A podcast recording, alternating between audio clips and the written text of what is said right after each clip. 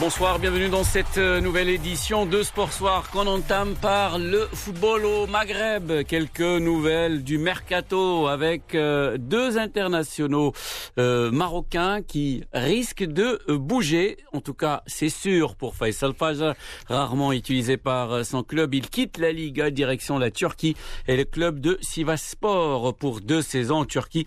Faisal Fajr rejoindra son coéquipier en équipe nationale, le gardien Mounir Mhamdi qui a rejoint cet été le nouveau promu Ataï Sport. Des nouvelles aussi d'un possible transfert euh, du défenseur du Raja de Casablanca, Badr Benoun, vers le championnat d'Égypte et le club d'El Ahli aucune confirmation pour le moment. La Supercoupe de Tunisie euh, opposant l'Espérance au CS Sfaxien aura lieu dimanche 20 septembre au stade olympique de Rades, rencontre qui se jouera à huis clos. C'est ce qu'on peut lire sur la page Facebook euh, de la Fédération tunisienne de football. La Supercoupe oppose bien entendu le champion de Tunisie au vainqueur de la Coupe selon les règlements de la Fédération tunisienne en cas d'égalité à la fin du temps réglementaire. Les deux équipes passeront directement à la séance de tir au but pour En France, après la Ligue des Champions, l'atterrissage brutal du Paris Saint-Germain. Neymar qui se plaint de racisme, une bagarre, des cas de Covid-19, un classico perdu, un patron procès. Le Paris Saint-Germain a repris la saison 2020-2021 dans le chaos. Les Parisiens sont peut-être toujours bercés par le souvenir de leur euh, épopée jusqu'en finale de la Ligue des Champions. Plus encore, euh, que celle à Lens, une défaite 1-0. La défaite contre Marseille hier, sa première en 9 ans contre son rival, a sonné l'heure du réveil douloureux. L'OM a fait disjoncter Paris, a titré en une le quotidien sportif L'équipe.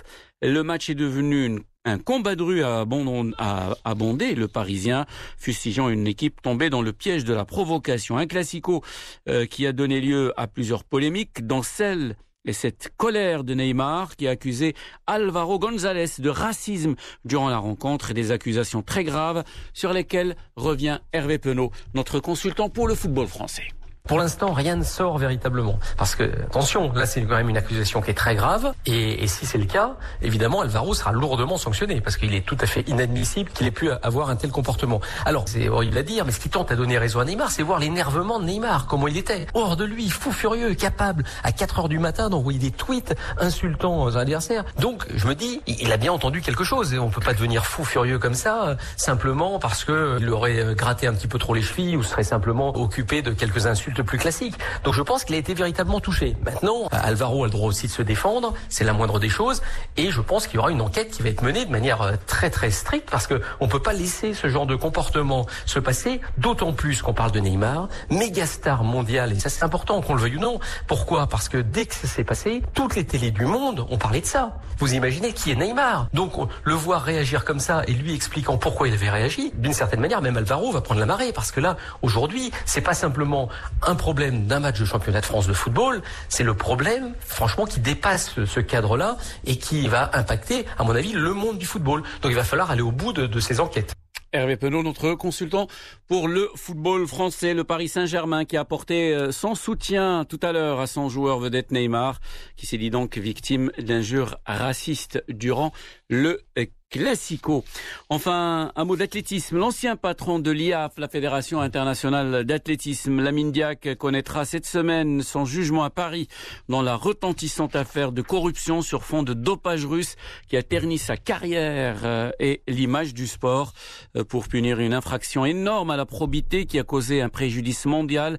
Et même s'il est au soir de sa vie, les procureurs financiers avaient requis 4 ans de prison et une amende maximale de 500 000 euros contre l'ancien président de la Fédération internationale d'athlétisme lors de son procès en juin pour corruption active et passive, abus de confiance et blanchiment en bande organisée.